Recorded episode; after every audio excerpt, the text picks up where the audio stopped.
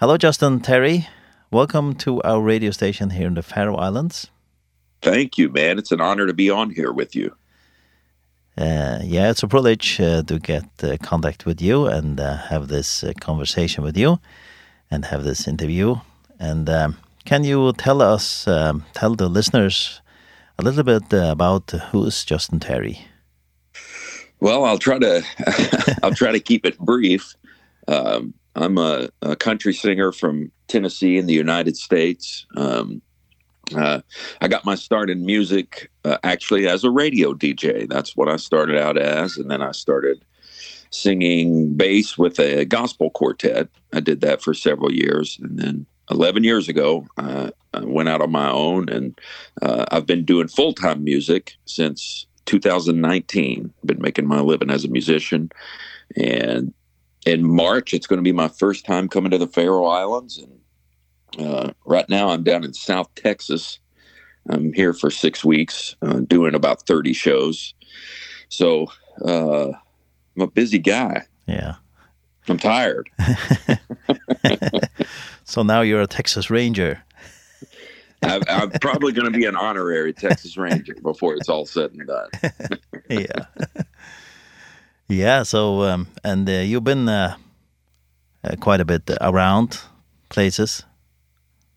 I have. I've I've traveled uh, you know pretty extensively over the last 10 or 11 years. I've performed in Germany, the Netherlands, um I've uh, done shows in France. Um and I was actually in uh, Europe for a a little tour in to, in 2020 in March of 2020 and the day before my first show everything got shut down mm -hmm. you know canceled. I had to fly home. Okay. so uh i have not done a show in europe since 2019 so i'm really excited you know about coming to the faroe islands. Yeah.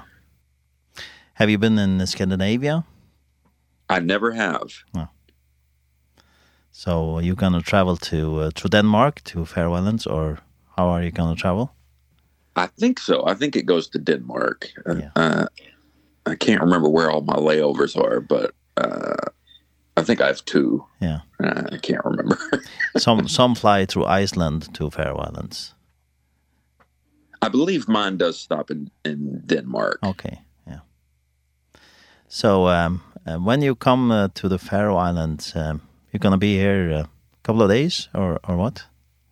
Yeah, I think I'll be there for uh a Saturday night show and a Sunday morning and I I should be there for a day or two before and then I think I'll leave the next day. So uh I should get to, you know, experience Faroe Islands a little bit. Yeah. You know, it's not just a come over and sing and get out of there. I'm I'm looking forward to actually getting to relax a little and and seeing the beautiful country, you know. Yeah, you'll see some pictures. Yes. Yeah. Looks absolutely beautiful yeah, it's uh, maybe different from the place you've been to. I had no idea the Faroe Islands even existed until 2019 when I met, you know, some people that were from there and uh yeah, I had no clue and yeah. I looked it up on a map and I said, "Man, that is that is way up there in north of Northern Ireland. Look at that tiny little island chain." And then I saw pictures and it's beautiful. Yeah, very small. Yeah, and uh, you met some Fairways people over, over there at that time? Yeah, I uh, actually did some recording um, over at Crossroads Studio in Asheville, North Carolina um, for a couple of guys. And uh, that's really how I got to know them. And uh, and got to learn about the Faroe Islands a little bit. So I'm I'm really excited to you know come and and do some concerts there. Yeah. It's going to be great. It's going to be great. Yeah, we have uh, some people have been doing recordings over at Crossroads Studios for a couple of years now. So yeah, it's been uh, really exciting and people love the music. So you got uh, some talented people in the Faroe Islands. Yeah, we we love music. I can tell. Yeah. so um uh, you've been uh, said you said you've been doing music for a couple of years now um and uh, have you always been uh, done this country music that you've done doing now or or has it been different genre? Well, I started out in gospel music. Uh, I was doing southern gospel and, and that was what my quartet that I sang with we were Southern gospel. I sang the bass part and when I left, I, I made a gospel album, but not long after I went solo, uh, I felt like the Lord wanted me to go into country music.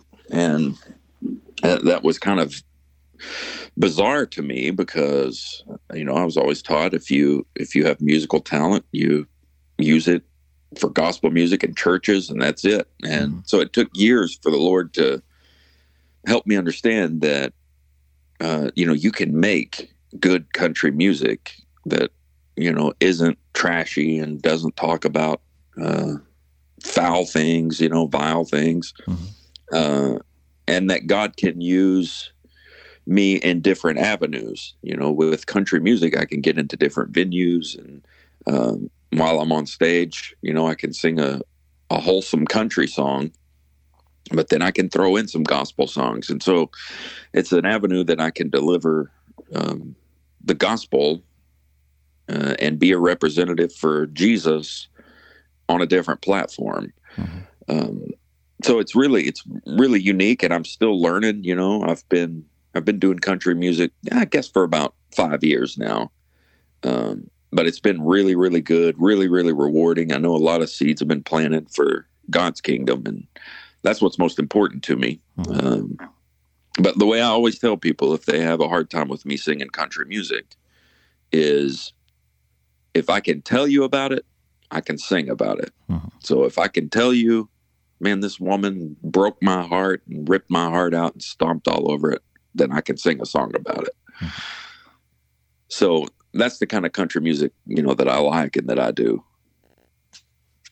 Yeah, you said that you um uh, sang bass in the the group. Uh, you can, we can hear the the voice that you have a bass voice. yeah. And so. I still do from time to time. I still sing bass um you know when I have the opportunity to fill in with somebody. Mm -hmm. Uh I'll go sometimes with the the Blackwood quartet sing bass with them. And I went to Europe a few years ago with the Stamps quartet. Mm -hmm I sang bass with them. And actually this spring I'm going to be doing dates with a new startup group. Uh, we're going to travel part-time uh and I'm going to sing some bass with them. I'll sing some lead with them. Um they're called Texas Star. But uh, so a lot of exciting things. I've got a a really busy schedule coming up this spring. It's going to be exciting yes. Um, and um, you said uh, you've been in this uh, group uh, uh, in a couple of years before you done country music. Uh, uh, have you done some recordings before you have been doing country music? Yeah, yeah. So, um you mean as a soloist? Yeah, also with groups?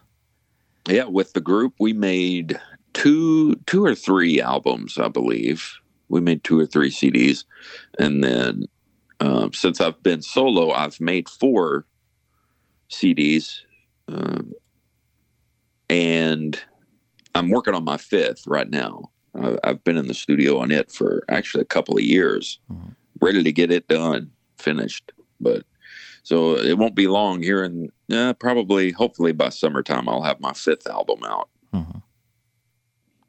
Yeah, you recorded the the first album in 2013. Was that? My first one was recorded in it actually technically released at the end of 2011. Okay. Um it's called Inspired. Mhm. Mm and it's got some old gospel classic hymns on it like In the Garden. Mm. Um that's probably the most popular song that's on that CD. I recorded that and then in 2013 my Countrified album came out. And I did a cover of Randy Travis's Three Wooden Crosses and Long Black Train that's on that album. Uh -huh. And uh, I'll definitely be doing those songs at the concert in the Faroe Islands. Yeah. Yeah, we we we can uh, if if people here listen music uh, online they they find uh, music with you. Uh, I think the first album is not online, no? Right. The first album is not digitized, so you can't listen to it on Spotify or anything like that. It's only available uh, on a physical CD on my website. And, okay. Um, people can get that at justinterry.net, or if they're coming to the concert, I will have that uh, record for sale that yes. night. And then maybe we can get it to the radio so we can play the music on the radio. Absolutely. Yeah, we have uh, we have uh, vintage and countrified playing on the radio, so excellent. So people can yeah. uh, know, know a little bit about your music before you can come to the Faroes. Yeah, yeah. And I'll I'll definitely uh get you that album. Yeah, that's good. Inspired. Yeah. That's good. So uh yeah, the the album that we have uh playing is vintage and countrified and uh, then you have the uh, Christmas album also. That's right. Yeah. And my Christmas album came out a few years ago and uh I always, you know, when I'm down here in Texas and it's 90 degrees in February when I right before I take an intermission, I tell them to Christmas is right around the corner. Yeah. And it's starting to feel a lot like Christmas out there, so come buy the Christmas album. Yes. Yeah. And uh, these groups uh, uh, that, that you've been part of, uh, um, where can people uh, listen to that music? If they want to hear me with uh, singing bass, they can find Cross for Crowns. Uh, if you just look that up, mm -hmm. we our both our albums are on Spotify and Apple Music, anywhere music can be streamed. Uh, of course, on YouTube, they can hear me singing bass there. I'm the skinny guy with the glasses. So I I look a little bit different now in my older age. Yeah. I'm in my late 30s now. When I was with them, I was uh in my early 20s. And so anyway, I don't want them to be confused if they they find a picture of for crowds that they'll know which one's me. Yeah. yeah. So cross cross four crowns. That's right. So cross and four and crowns. Yes, the, the then, number four. Yes, yeah. And then people can find it if they want to listen. Because people uh, listen to a lot of music digital now, so. Yeah, it really is. It's a it's taken over the world. Yes. They're not putting CD players in cars here in the United States anymore. I don't know what it's like there, but uh CD players are going by the wayside. Yeah. Everything's going digital. How is it um, re recording music and uh, not releasing so many CDs now as before? More digital or how is it? I I like CDs myself. So I I don't know, it's a hard concept for me. I still like to buy CDs, but I also, you know, stream stream app on Apple Music. Uh, so I don't know. I still like to have the physical copy. Uh, that's something that I like. But CDs are now kind of becoming a almost a um, uh, just something tangible to buy at a concert. You know, like a, almost like buying a T-shirt or a a picture, an autographed picture. Yeah. It's kind of like that now, mm -hmm. where people might buy the CD, but then they just stream it online. Yeah. And and some buy, buy uh, LPs. Yeah, they do. It's yeah. really coming back. And yes. I I have not had any of those made yet, but I really really want to. And my vintage album would have been perfect to have some LPs pressed and um I just I I we didn't get that done on that record, but I wish we would have. I'd love to have some mm -hmm. Maybe this uh, new album is going to be an LP? Maybe. I'd really love that. Is that a is that a big thing in the Faroe Islands? Do people love records over there too? Y yeah, they love it. So it's gonna it's it's, it's becoming a more a good thing LPs again. So that's good. Yeah. It's it's wild. Yeah, it's also it, it's also a different sound on the LP. It, yeah. Yeah. You get the little scratches and pops. Yeah. Yeah. yeah. I love it. Yeah, the sound is very good. I've got good. a record player at home. I've got a I've got a record store um not far from where I live and they sell these used records and most of them are $1. A lot of the records in there are $1. So I'll go in there and find you know George Jones and all these classic records and um I love it. I love to put a record on and just sit back and listen to it. Yeah. When you're doing music uh, what's your major influences as an artist? Oh man, I I well, from the country music world, um Keith Whitley, Randy Travis, Merle Haggard, George Jones. I love Josh Turner. Um and then I'm a big Elvis fan, Elvis Presley. I love Elvis. Uh and then in the gospel music world, uh, Kenny Henson was my favorite. Uh, he's probably he's one of the greatest singers of all time in any genre. Mm -hmm. Kenny Henson sang with the Hensons. I don't know how popular the Hensons were in the Faroe Islands, but um your listeners should look up Kenny Henson. yeah. Yeah. He was a phenomenal singer. So uh when you um are writing songs, uh, what do you talk about in the, your lyrics?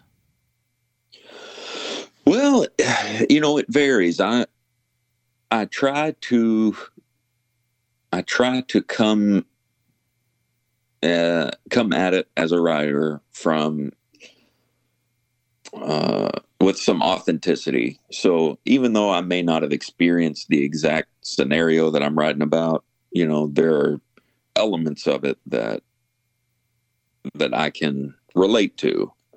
So, you know, I think it's really important. I remember years ago I heard an interview with Dolly Parton mm -hmm. and she was talking about how she left the Porter Wagner show when she was younger and how he did not want her to go and he was so upset but she knew she needed to leave. And she said, "Well, I just went home and I did what I do best and I wrote a song." And that's how she wrote I Will Always Love You. So she wrote one of the most iconic songs that's ever been from a place of authenticity. She was writing her emotions down, you know. And I think that's where the best songs come from. So when I when I write, I try to do it with some authenticity. And you know, not every song like I said is exactly something that happened to you or is an exact emotion that you feel, but Um, you know, I, th I think that that conveys a lot more to a listener when you are authentic and you write mm -hmm. real life things down. I think that really, really conveys and the listener can feel that. Mm -hmm. Would you mind sharing uh, with us what uh, your creative, creative process of, of, of this of writing songs? How, how do you do? Well, for me, you know, there are everybody kind of does it differently but for me if i have uh if i have a a good a good thought that i think man this could be a good song i'll first of all i'll just write that that thought down. I've got if you saw the note uh, the notepad in my iphone you would see probably 30 songs that have been started. Yeah. So i'll i'll write down the the thought that i have and then uh sometimes that'll you know I I'll just get right into it and I'll I'll write I'll I'll just start writing some lines. Well, sometimes I think that I'm writing a verse of a song. Like there's a song that's going to be on my new album. Mm -hmm. It's called Long Way to Go. It's not out yet. Uh, you know, no way to listen to it yet, but um what I what I did with that song was I thought, okay, I am I'm writing a verse here. And so I wrote everything down. Well, it wound up that that became the chorus. And that was a song that took me it took me about 6 months. I had that first little section that I thought was going to be a, the first verse. I had it done and then I I couldn't write anymore. Nothing was coming to me, so I just walked away from it and it was like 6 or 7 months later uh I saw that that song and something, you know, uh I had an epiphany and thought, "Oh, let me let me do this." And so I flipped this, you know, the verse and the chorus and wound up writing a couple of verses and uh so I I I got that song knocked out, you know. You, you with songwriting, you just have to for me I have to take it as as the inspiration comes. Yeah. So, you know, I I'm not the kind of it, it's hard for me to force it, you know. I could force lyrics out, but I don't I don't know that they would be good and mm. they wouldn't be authentic, you know. Um some people can do that. You know, I know some really really great songwriters. Actually, one of the greatest country songwriters of all time. He was a guy that I got to meet a few years ago and I got some music from him and he uh he had 16 number ones in country music. And he was the kind of guy that would just he would crank out songs. He could just write songs and write songs and write songs. But some of them might not be that great but then he had some that were you know number ones. He had 16 of them um and I'm not that kind of writer. I I I just I can't do it. I can't just crank out songs like that. I have to wait for inspiration. Mm -hmm. Um before we continue uh, this conversation, um maybe uh, we'll play a song from you and uh, then we talk again when this that sounds song great. is over. Uh, what what song shall we play? Um man I don't know. You, what, you can what, choose. Well, let's see. You've got you've got uh, countrified and um and vintage. Why me, Lord is is a song that goes over really really well. Yeah. We can play that one.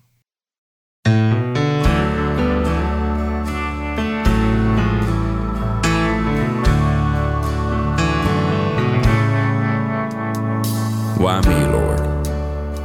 What if I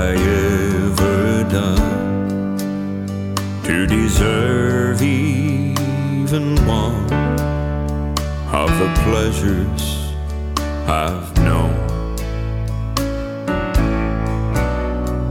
Tell me, Lord, what did I ever do That was worth love from you And the kindness you've shown?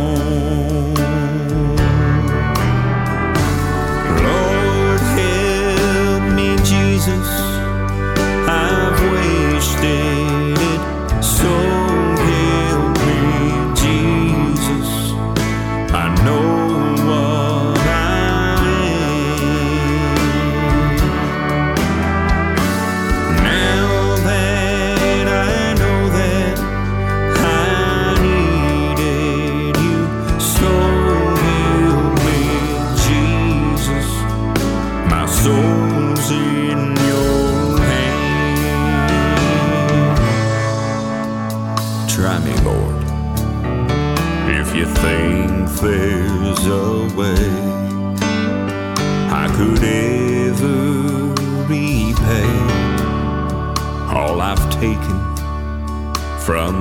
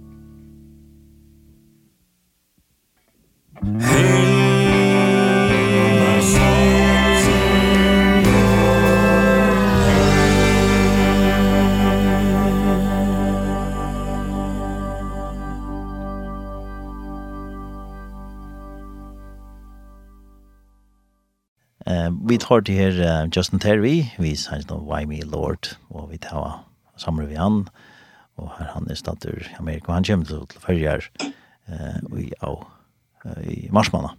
Jeg har konsert i Løvdene i Høyvik, uh, til et kontrakvalt 18. mars. Og du kan lese mer om det enn hjemme heimasynet, praising.fo. Yes, uh, Justin Terry, we, we just heard a, a song from You Why Me Lord, uh, yeah. on your record, Vintage. It's such a great song. Yeah, great. And now you heard me talking fairways. and you didn't understand anything. I, I just understood nothing.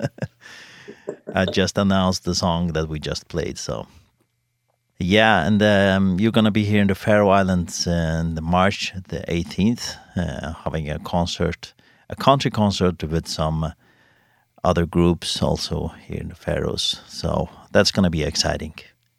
It is yeah, it's really exciting. I I love to do new things and uh there's no place I'd rather be on March 18th than in the Faroe Islands. I'm so excited about it. Yes. So want everybody to come out. It's going to be a great concert. We got uh, some some great uh, great musicians that are going to be there. Other artists are going to be there. Uh, actually, uh, Magnus is going to be there. Yes. And that's who, you know, I spoke a little bit earlier about uh, recording in Nashville, and that's who I recorded um, on his album. We, we did, uh, I think we did, we did an old Randy Travis song, and I think it was Forever and Ever Amen. Yes. I think That's he recorded that and he asked me if I would come and sing a verse and I was honored to do that. So I'm really looking forward to, you know, seeing him again and uh just being a part of that show. It's going to be a great night. Yeah, it's going to be very exciting. Yeah. Um yeah, and um we just talked about uh, you recording music and uh, doing songs and uh, uh yeah, do you do a lot of songs and uh, what is uh, your mission with the with doing this uh, uh, singing and traveling and yeah, what's your mission? Well, ultimately I want to be uh a light for God. So, you know, whether it's you know, I may not uh, overtly and and you know in some grandiose way. I may not tell everybody that Jesus loves them and how they can be saved and all of that but what i what i like to do and what i tell people is i want to be an entertainer with a purpose. So you know there are so many entertainers out there and you know i don't know if if you all watch the grammys you know but there there's so many wicked entertainers. Mm -hmm. so you know if i can be an entertainer that is wholesome and not raunchy and you know i can just be a a quality good entertainer something that your whole family can listen to without worrying what is this guy going to sing about you know? Uh i want to do that. I want to i want to be a light in a dark world. So the Christian faith uh, means a lot to you and uh, the things that stands for that in your Absolutely. That's you Yeah. Yeah, I I got saved when I was uh just a teenager and I've seen God work in my life many many times over the last, you know, well my entire life, but um he's he's my everything. So, you know, I want to represent him and to be an ambassador for him uh, in any way I can. Um, when you travel, uh, do people uh, respond differently to your music depending on culture? Where you they do. It, it's it's really unique. I mean, even down in uh, down here in Texas, um, you'll see I see different responses, you know, this this song may go over really really well and uh in one area and then it just it doesn't go over very well in in the next area. So it's really unique and and certainly if I when I go out of the country um it's different and. I have never uh done a show overseas where I didn't feel like the people were having a great time and loved it. You know, I felt really appreciated and um so I I love it when when I can get out of the country and go sing. Mhm. Mm yeah, and um there are many Christian artists today that have very natural lyrics. Uh, that's hard to tell what they're singing about. What's your point of view of that? Well, you know, I, I guess it depends on uh, it depends on what they're saying, you know. Mm -hmm. Uh and I guess I understand if you're trying to get your foot in the door with people and make them listen to you before you hit them with you know the main message of the gospel. I don't know. I I guess it's it depends on what they're what they're doing. Some people are just they're they're really timid and they don't want to mm -hmm. uh, say what needs to be said, you know. Uh maybe it depends on just, depends on what their mission is. Exactly. You mm -hmm. know, we look at like the scripture says, we look at the outward appearance and God looks at the heart. So I don't know it's hard for me to say you know what their motive is or Um, so I don't know, you know, when I, when I make a Christian or a gospel recording, you know, I, I like to go ahead and just lay it out there for you. Mm -hmm. Uh, before we close, uh, maybe you have a message for the listeners, maybe a good message, what you're thinking about today for the listener. Well, uh, man, I've got all kinds of messages. Uh, that's uh, good. That's good. That's really good. would, yeah, my main message would be uh you know, to trust in Jesus and to love your fellow man and uh just trust God through all the turmoil that we're going through in this world and uh then the final part of my message is make sure you come to the show on March 18th. Come to the concert. I'm looking forward to seeing you all. yes, that's going to be good. On March 18th here in the Faroe Islands in Torshavn. I'm looking forward to it, brother. Yes, it's going to be really good. So um it's really good to hear from you and we're looking forward to meet you here in the Faroe Islands and meeting and you can meet a lot of various people. I'm really looking forward to it. I can't wait to meet you all and uh thank you for doing this interview, man. It was a great uh, opportunity to get this interview.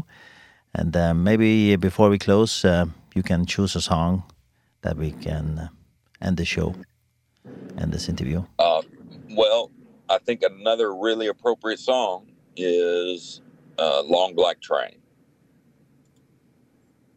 Yes.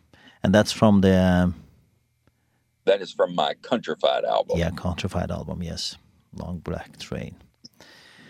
So, um, thank you very much, Justin Terry. We're looking thank forward you. to see you. And uh, maybe we have a, yeah, talk again when you come here. Yeah, yeah, man. I'd love it. Yeah. So we'll finish uh, this uh, interview with a song and you choose a long leg train from uh, Countrified. That sounds great, man. Thank you very much. May you have a great day and God bless and have a good trip to the Faroe Islands when you come to Faroes. You too, brother. Thank you very much. Look forward to being there. Yes, Thanks, man. Thank have you. a great day. Thank you very much. Goodbye. Goodbye. Bye.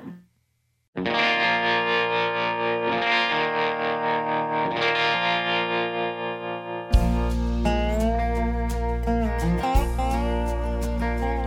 There's a long black train coming down the line Feeding off the souls that are lost and crying. Rails of sin only evil remains. Watch out brother for that long black train.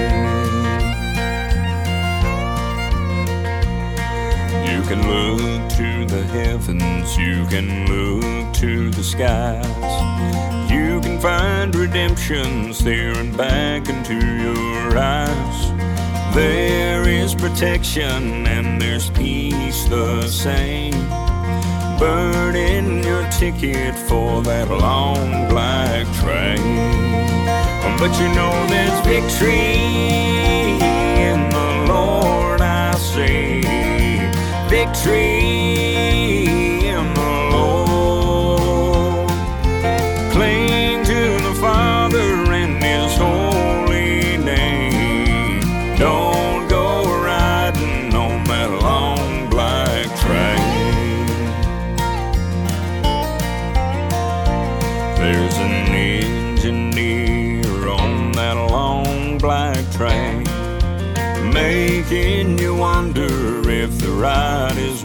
pain He's just waiting on your heart to say Let me ride on that long black train. But you know there's victory in the Lord I see Victory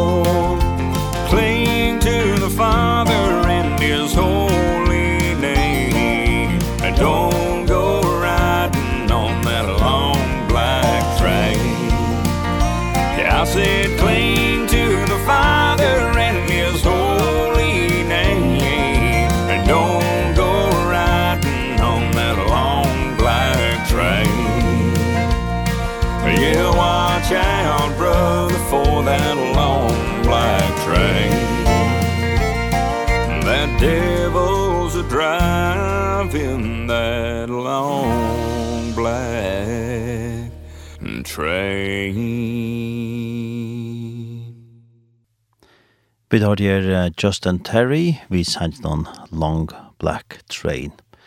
Og det var at han har vi pratet vi Justin Terry, som kommer her og konsert i Førjon, uh, i Løvden i Høyvøk, den 18. mars. Det var et countrykvöld. Her uh, Justin Terry, sammen med Magna Kristiansen og Blått Græs for at framføre. Han var ekte spent til å komme til Førjer, så det var spennende det var. Og til å lese mer om konsertene inne i hjemmesiden praisehim.fo.